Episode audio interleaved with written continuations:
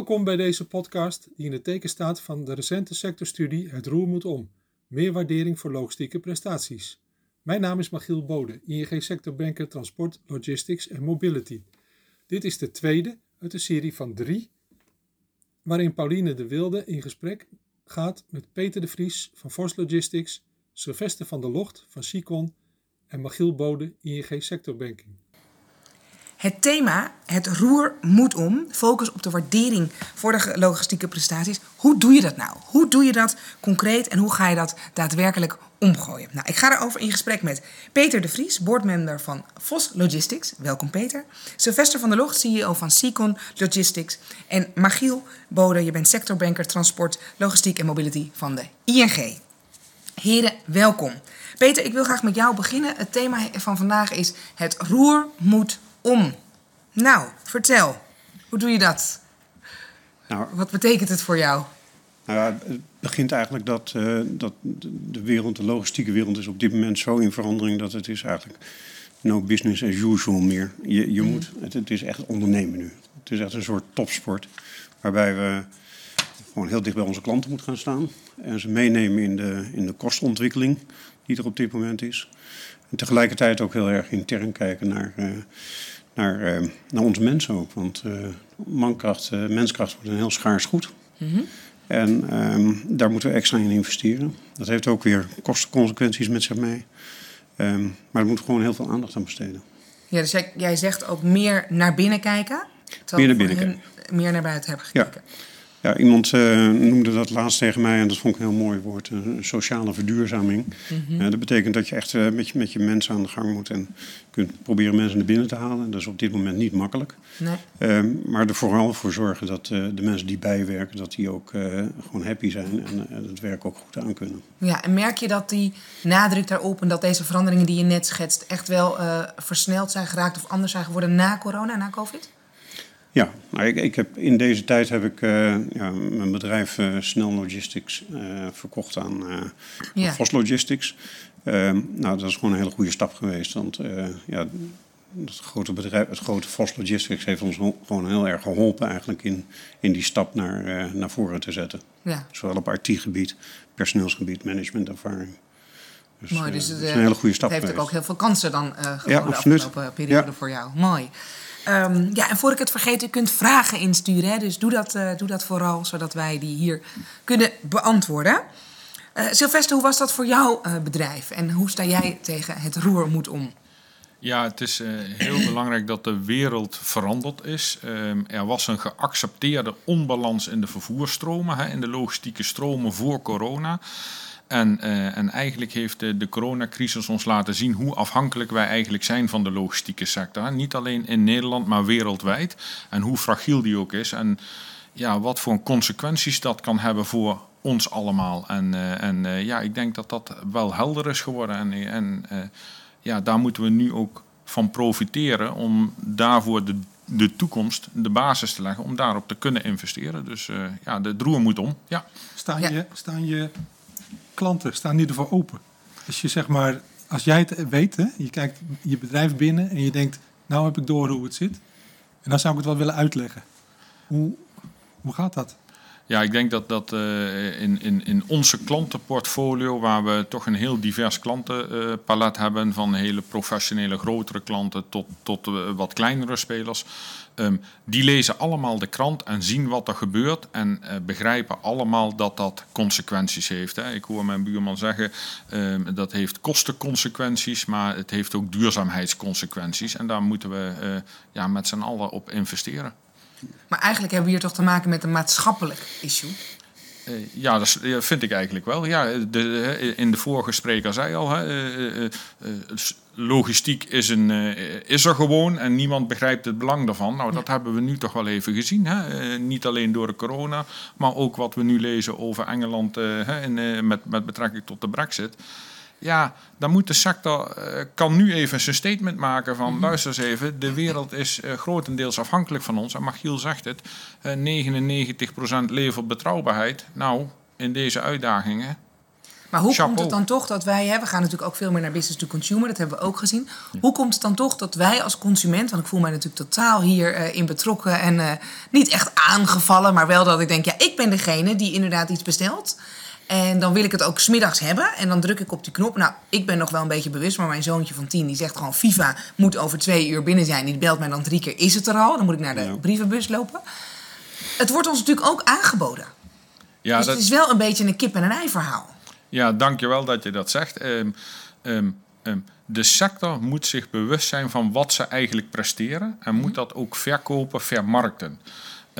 Het is, waarom is het zo belangrijk dat dat FIFA-spelletje er binnen twee uur is? Dat, dat bewustwording over de consequenties daarvan in, in de hele logistieke sector, in de hele supply chain, daar moeten we ons bewust van zijn. Is het dat waard? Ja. om dat voor elkaar te krijgen. En een van de vorige sprekers zei al, het wordt gratis thuisbezorgd. Ja, gratis bestaat eigenlijk niet. Nee, voor niets gaat de zon op. Maar hoe... Magiel. Ja, het is toch wel heel gek, hè? Want eh, het is heel duidelijk wat je zegt. Maar een consument denkt, maar het kan toch? Precies. Als Wij het- zien alleen Als maar ik de het wil hebben, dan krijg ik het. Ja. Dus, dus wat is het probleem eigenlijk? Het is ook een ontwikkeling die gaan we ook niet meer tegenhouden. Het is, eh, het is aan ons, eh, zeg maar, als, als logistieke bedrijven, om zeg maar, eh, ons erop aan te passen en, en zeg maar, ja, die vraag zo efficiënt mogelijk op te lossen. Ja, maar ik ben dat toch niet helemaal met je eens. Want we kunnen ook de mensen wel een beetje meer gaan opvoeden. Ik bedoel, als wij... Ik weet dat klimaatverandering en duurzaamheid dat het heel ingewikkeld is. Want anders hè, waren we al veel verder geweest dan wat met de eisen die we nu voor 2050 of 2030 willen. Maar op het moment dat we allemaal niet toe gaan geven... of allemaal gaan zeggen van nou, er zijn wel retourkosten... of dan gaan we toch wel een beweging... dan maken we toch een statement. Het is belangrijk om, om zeg maar, ook, ook nu in deze tijd, om zeg maar, je opdrachtgever en, en eigenlijk ook de consument in een vorm van transparantie mee te nemen in de, in de kosten.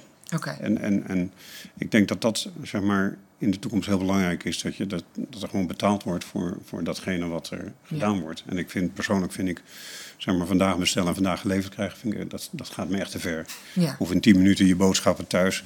Ja, sorry, maar. dat, dat, Eigenlijk zou je een dat- filmpje moeten zien van iedereen die er als een. Ja. Die hele supply chain moet je dan eigenlijk in kaart brengen. Ja, niet alleen misschien de kosten, als ik je mag eh, aanvullen, maar ook als wij de consument nou eens bewust maken van het effect op, eh, hè, wij spreken over duurzaamheid, hè, het effect op het milieu van die wensen, zeg maar. Ik denk dat dat misschien nog een grotere impact kan hebben als het kostenniveau aan zich. Dus dat, eh, dat, ik Ja. denk dat dat bewustwording... Bewustwording Juist, en van met name de dingen die ons raken juist. als consument. Ja. Zou je niet eigenlijk gewoon, als je de keuze hebt en je zit achter je laptop en je wil wat bestellen en je klikt wat aan, dat je zegt de, de consequentie van dat ik het morgen laat komen in plaats van eh, eind van de week is een CO2-footprint van weet ik veel. Ja. Of zoveel bomen gekapt. Of Mhm. gewoon dat je dat soort dingen helder maakt. Ik denk Ja, dat dat... Dat is die, dat is die transparantie Ja, eigenlijk, ja. Die, je- die, die je er eigenlijk in moet brengen. En dat moeten we als sector gewoon nog meer doen. En niet alleen in kosten, maar ook gewoon in kilogram CO2. Ja. Absoluut. Da- Ik denk dat het daarin zit, want inderdaad, als je zegt betaal dan nu 5 euro. Nou, sorry, ik weet zeker dat heel veel mensen denken: nou ja, is mijn kind ook weer blij? Ik betaal die 5 euro. Hè, dus dat, dat Ja. je met name de bewustwording van wat er dan gebeurt. En net zoals op een pakje sigaretten de longen. Nou ja, dan kunnen wij misschien ook hele mooie filmpjes maken van wat er gebeurt. Hoeveel mensen er keihard moeten werken op het moment dat wij het eh, voor elkaar willen krijgen. Als we even kijken naar de eh, inzet van eh, IT. Hè, de, zeiden, de wereld is complexer geworden natuurlijk ook bij de transport. Hogere eisen, striktere levertijden wanneer het geladen gelost, gelost moet worden. Al deze ontwikkelingen die vereisen natuurlijk inzicht. Waarbij volgens mij wij wel kunnen stellen hoe beter. Hoe eerder, hoe beter. Is het zo dat we gewoon volle bak moeten inzetten op die IT... om nog meer eh, betrouwbare data beschikbaar te krijgen? Hoe belangrijk is dit? En wat hebben we ervoor nodig om dit te kunnen doen? Ja, IT, nou, nodig heb je sowieso, dat is geld. Want IT is gewoon heel kostbaar. En, en, ehm, en, en ook, ook IT is een schaars goed, hè? dus Ja. eh, IT-medewerkers. Maar het is gewoon heel erg belangrijk, omdat ehm, heel veel dingen die wij doen als lo- logistieke bedrijven, ehm, die, die moeten we ook inzichtelijk brengen. Ik, ik noem maar wat, eh, de tijdsrestricties die we hebben in binnensteden, eh, lengterestricties eh, van, van vrachtwagens, zero emission. Al dat soort zaken, wachturen, wachttijden. Dat, daar heb je echt allemaal IT voor nodig om dat zeg maar goed inzichtelijk te maken en ook weer te presenteren aan die opdrachtgever als zijn de extra kosten. Want er zijn nog heel veel verborgen kosten die we, die we zeg maar ook nog kunnen halen bij, eh, eh, bij onze opdrachtgevers. Zodat je die, ook die lijn weer, eh, sorry dat ik- dat ook die lijn weer transparant maakt. Dat iedereen zich bewust is ervan en iedereen dus een steentje kan bijdragen. Ja. Maar het, het helpt natuurlijk ook, het is, het is een kostending, maar het helpt natuurlijk ook bij het optimaliseren. Ja. Hè, En door het optimaliseren ja. tover je zeg maar, een heleboel vervelende effecten van eh, transport, tover je in feite weg. Alleen Klopt. mo- moet je daar wel weer afspraken voor gaan maken eh, om het een beetje anders te doen. Ja, Ja. inderdaad. Daarnaast willen we natuurlijk heel graag dat de sector, het beroep, moet weer aantrekkelijk worden. We zeiden het al, eh, arbeidsmarkttekorten die nee, stijgen de pan uit. Hoe, hoe gaan we dat doen? Menno, hoe gaan we dat doen? Hoe gaan we het weer echt aantrekkelijk maken? Ehm, ja, als je, als je kijkt naar onze sector, eh, onze sector is heel erg in beweging en he- heeft eigenlijk laten zien hoe belangrijk die is. Nu gaat het er nog over dat we dat voor de werknemers ook een hele leuke sector maken. En dat is niet alleen heel erg hard werken, maar ook heel erg leuk werken. Dus met nieuwe dingen bezig zijn, hè, IT, data. Eh, hoe gaan we dat gebruiken om die supply chain nog efficiënter, nog transparanter, nog beter te maken? Ja, ehm, door het samenwerken, hè, in ons geval dan ook wereldwijd met al die partners, eh, krijgen wij zoveel data bij ons dat we hele betrouwbare voorspellingen kunnen gaan doen. Nou, en om dat om te zetten als een, als een, eh, als een service, als een kans eh, voor onze klanten. Ja, dat is prachtig. En daar moet je gewoon ja, passie voor ontwikkelen. En daar mag je ook trots op zijn. Ja. Dus, ja, dat, dus ik denk dat dat heel belangrijk is dat we dat aspect heel goed borgen. Al aan de voorkant van de carrière van mensen. Dus ook op de school. Ja, zodat we zeg maar, die complexiteit waar we mee te maken hebben... niet als een bedreiging of een uitdaging Nee. of iets zien wat niet eh, leuk is om in de sector te stappen... maar juist iets zien als van, hé, daar ga ik voor. Ja. Want jij Hey. zei van, nou, IT kost natuurlijk heel veel geld. Ja. Maar ik denk dat ook de kennis, om die te verspreiden... Hè, we hebben natuurlijk ook te maken met mensen die al, al jaren in de sector zitten... krijg die maar eens aan de andere manier van denken. Ook met omgaan met de data. Klopt. Eh, transport en, en eigenlijk de planning, hè, wat, wat vaak een, een, het hart is van, van zeg maar, een transportonderneming.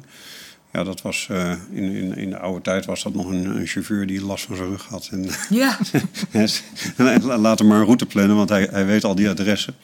Maar tegenwoordig is dat, eh, is dat, is dat eigenlijk wel- echt wel HBO-werk, waar, waar, waar je echt wel mensen voor nodig hebt die, die, die eh, heel goed kunnen kijken naar, naar verbanden en naar, naar, naar, naar, eh, naar, naar eh, goede zaken. dus er wordt ook veel meer gevraagd van de mensen die in de sector ja, willen absoluut. werken. Ja, hoger niveau. Hoger niveau. Wat je wel ziet, Peter, denk ik, hè, jij noemde dat sociale innovatie. Dat we juist ook voor die mensen met die kennis, die ook moeten meenemen in die nieuwe tijd, in die nieuwe uitdagingen. Ja. En ik denk dat dat, een, eh, dat, dat eh, sluit ik me volledig bij jou aan. Vind ik een hele, heel, heel mooi woord, sociale innovatie. Dat ga ik van je kopiëren. De sociale Verduurzaming. verduurzaming. Sociale verduurzaming. Dankjewel, ik nou, neem me mee. mooi. Ja, Ja, dankjewel. heel goed, heel Ik heb goed. het ook niet van mezelf. Ja. We houden hem erin. Eh, Sylvester, als we kijken naar de flexibiliteit, hè, dan kiest Seacon er qua activiteiten expliciet voor om een eh, non-asset organisatie te zijn. Nou, we horen geluiden uit de markt, cijfers van het CBS, dat eh, toenemende mate de krapte van de arbeidsmarkt, eh, toenemende schaarste aan productiemiddelen als drugs spreekt de kop op.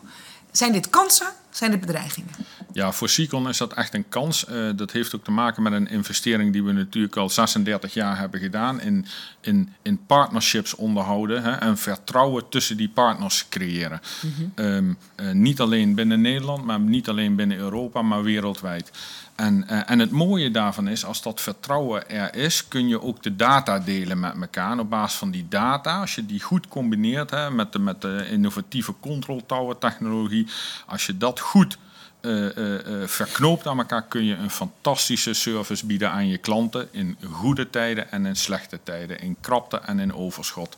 En, dus, dus Sicon ziet dat echt als een kans. Ja. Waar ligt voor jullie dan de uitdaging om toch heel even het schurende stuk... eh, Ja, ja, de schurende stuk is eh, natuurlijk de betrouwbaarheid van de supply chains als gevolg van calamiteiten die zich voordoen. Havens die gesloten zijn, eh inbalansen. Hè? Magiel en ik hadden het in het rapport over de inbalans in de wereld. Ja, Ja. inbalansen in logistieken, dat, dat, ja, dat, dat kun je maar heel moeilijk beïnvloeden. Nou, en daar ligt uiteindelijk dan ook de uitdaging om daar ja, zeg maar een streepje voor te krijgen met die partners om daarin eh, ook, ook net even vooraan te liggen. Omdat je zo afhankelijk bent natuurlijk van elkaar in Van elkaar, ja, van elkaar. Dus dat is wederzijds. Ja, ja, klopt. We hebben een vraag binnen. Hoe hou je goede IT-mensen binnen in deze krappe arbeidsmarkt.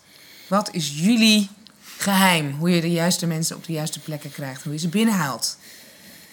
Heb je een leuke promo-video gemaakt van je eigen bedrijf? Nee hoor, Eh, nee, nee, nee, ik ben heel makkelijk. Ik heb Vos Logistics binnengehaald.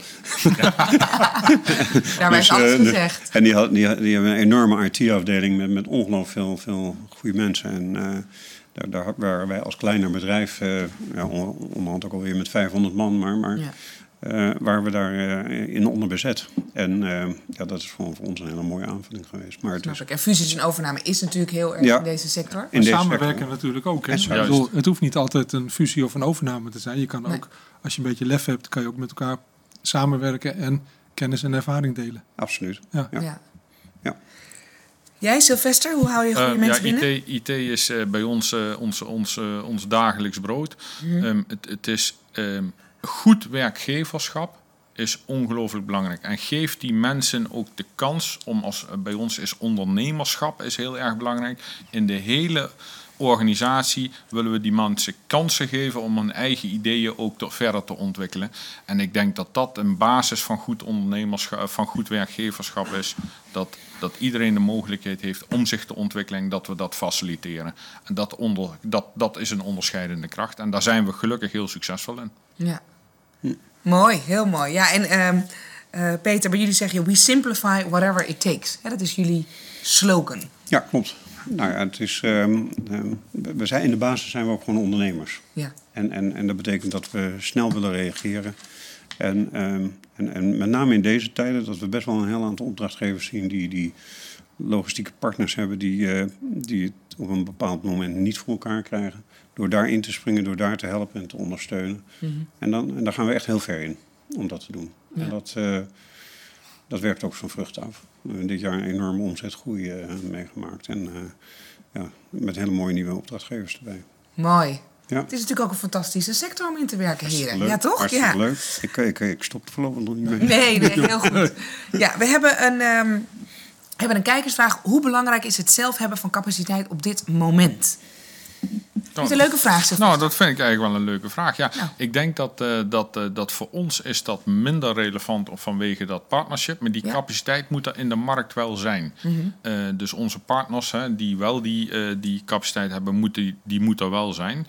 Ik denk dat het door de inbalansen, zoals ik toen straks al zei, ligt er vaak ook capaciteit op het verkeerde moment op de verkeerde plaats.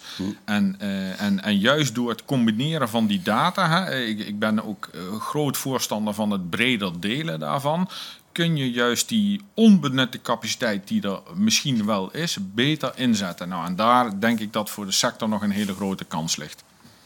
Nou, daar liggen natuurlijk voor die, voor die partners van jou, liggen daar natuurlijk ook eh, de kansen. Hè? Want we hebben een beetje de neiging om te denken dat grote bedrijven eh, de dienst uitmaken. Maar ik denk dat door hoe de wereld nu zich aan het zetten is, je als een hele goede capaciteitsaanbieder ook een prima boterham kan verdienen. Als je je maar realiseert wat voor businessmodel je in zit. Ja. Toch? Nee, klopt. Maar dat is dan wel mooi om dan nu te... Nee, je bent er niet aan mee eens. Ja, nou, ik, nee, nee, nee, ik moet voorzichtig zijn. eh, ehm, maar je, je ziet ook dat daar misschien wel een beetje gebruik tussen aanhalingstekens van gemaakt eh, wordt. En dat, dat, dat, dat- daar wil ik in een andere setting misschien nog wel eens ook over praten. Dat kan, dat kan. Heren, ja, het eh, vliegt voorbij de tijd. Ik vond het heel leuk om met jullie eh, hier in dit eh enerverende gesprek te zitten. Mag ik een... nou, dankjewel uh, Peter, dankjewel Sylvester en dankjewel Magiel dat jullie bij mij aan tafel zaten. Dit was de tweede podcast uit de serie van drie, die in het teken staat van de recente sectorstudie Het roer moet om. Meer waardering voor logistieke prestaties. Bedankt voor het luisteren. En de andere twee podcasts staan voor je klaar op SoundCloud en Spotify.